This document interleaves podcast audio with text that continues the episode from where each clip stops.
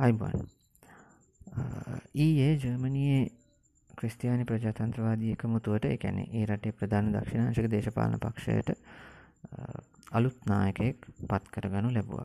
ඔහුගේ නම ආමීන් ලැෂෙට්. ක්‍රස්තියානි ප්‍රජාතන්ත්‍රවාදී එකමුතුව තමයි ජර්මනී චාන්සල ඇන්ගෙලාමකල් නියෝජනය කරන පක්ෂය.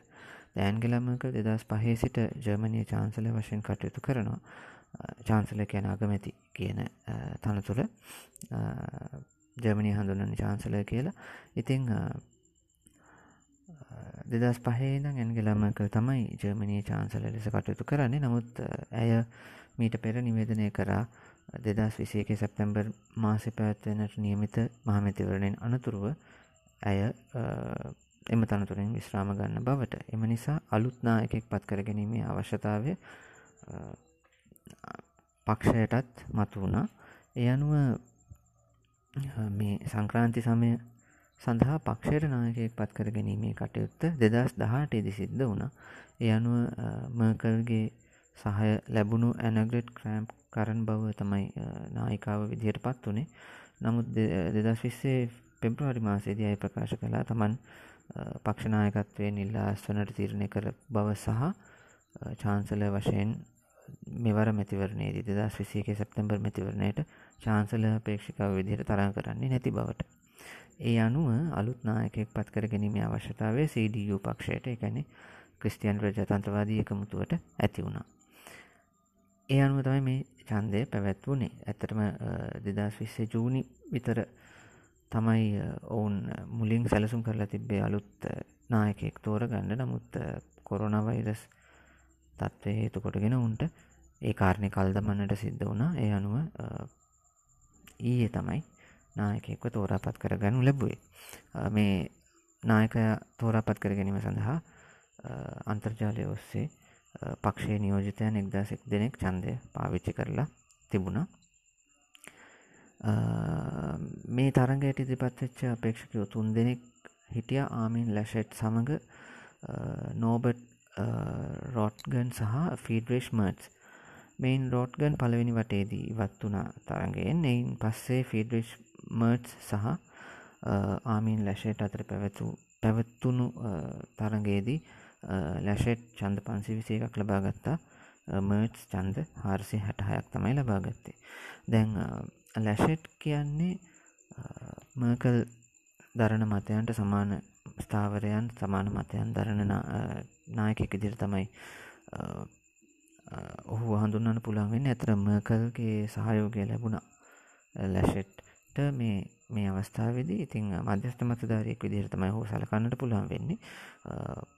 ෆීඩරිෂ් මර්ච් ඊට වඩා කොන්සවේටව් ඊට වඩා ටිකක් දක්ෂිනාංශයට නැඹුරු විශේෂයෙන්ම සංක්‍රමණික ප්‍රශ්නය සම්බන්ධයෙන් කතා කරද්දි වඩා දක්ෂිනාංශික නැඹුරුවක් තියෙන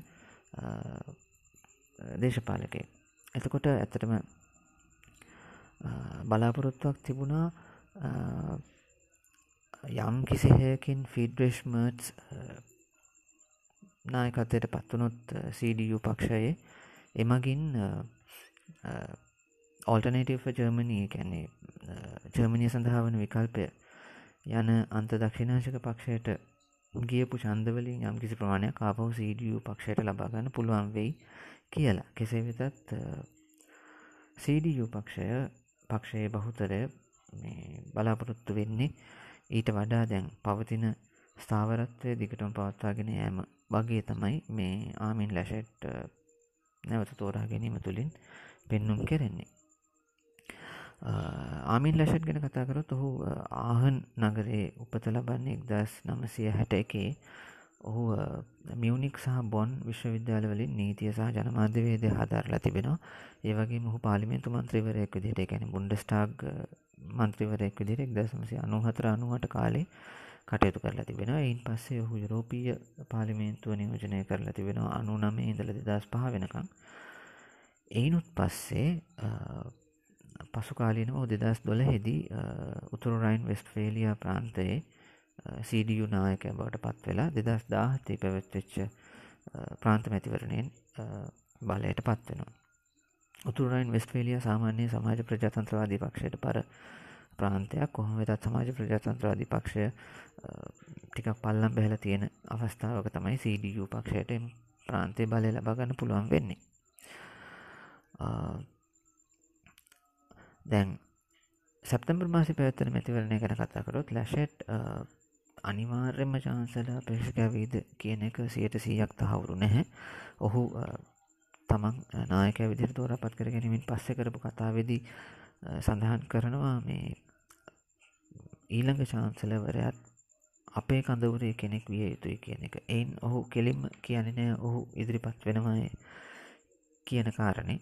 බොහෝදුරට ඔහු චාන්සල දුරේ සඳහා තරන් කිරීම හැකියාව තිබෙන නමුත් ඇතැම් විට ඔහු වෙනුවට වෙනත් කෙනෙක් පත් චාන්සල දුරේ සඳහා තරන් කරන්නට ඉඩ තිබෙන දැන් හුඟක් කතා බහට ලක්වෙන එක එක් තමයි බැවේරියාවේ ප්‍රධාන අමාත්‍යවරය වන මාකස් සෝඩ.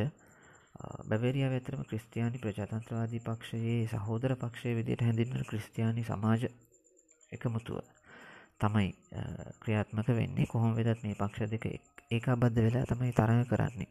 මැතිවරණවලදි. ඉතිං පොඩි කතාබහක් තිබුණ කාලයක් තිස්සේ මාකස් සෝඩ චාන්සල දුරේ සඳහා තරඟ කරයි කියලා. එහෙමුණොත් එක විශේෂ අවස්ථාවක් වෙනවා. කොහොම වෙතත් එවැන්නක් තාමත හවුරු වෙලා නැහැ. මාකස් සෝද වගේ කෙනෙක් පත් කර ගැනීමේ ඉදිරිපත් කිරීමේ වාසයක් තිබෙන්නේ අර කලින් කිව් වගේ දැන් සංක්‍රමණික කාරණය සම්බන්ධයෙන් මාකස් සෝඩ හිටියත් ටිකක් මකට වඩා ටිකක් තද ස්ථාවරයක. ඒ නිසා ඒFD පක්ෂයට යන චන්දවලින් කොටසක් ලබාගන්න පුළුවන් වේ කියලා පොඩි විශ්වාසයකුත් තිබෙනවා.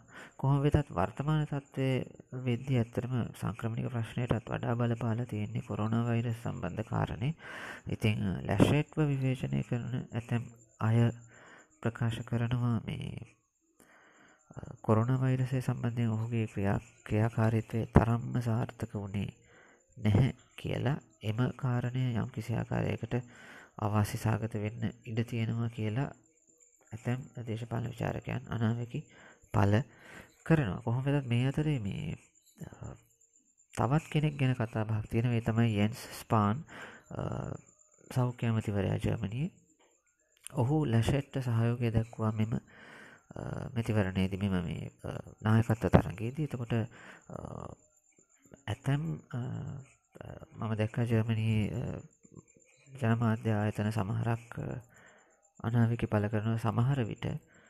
ලැෂෙට් වෙනුවට යන්ස් ෆාන්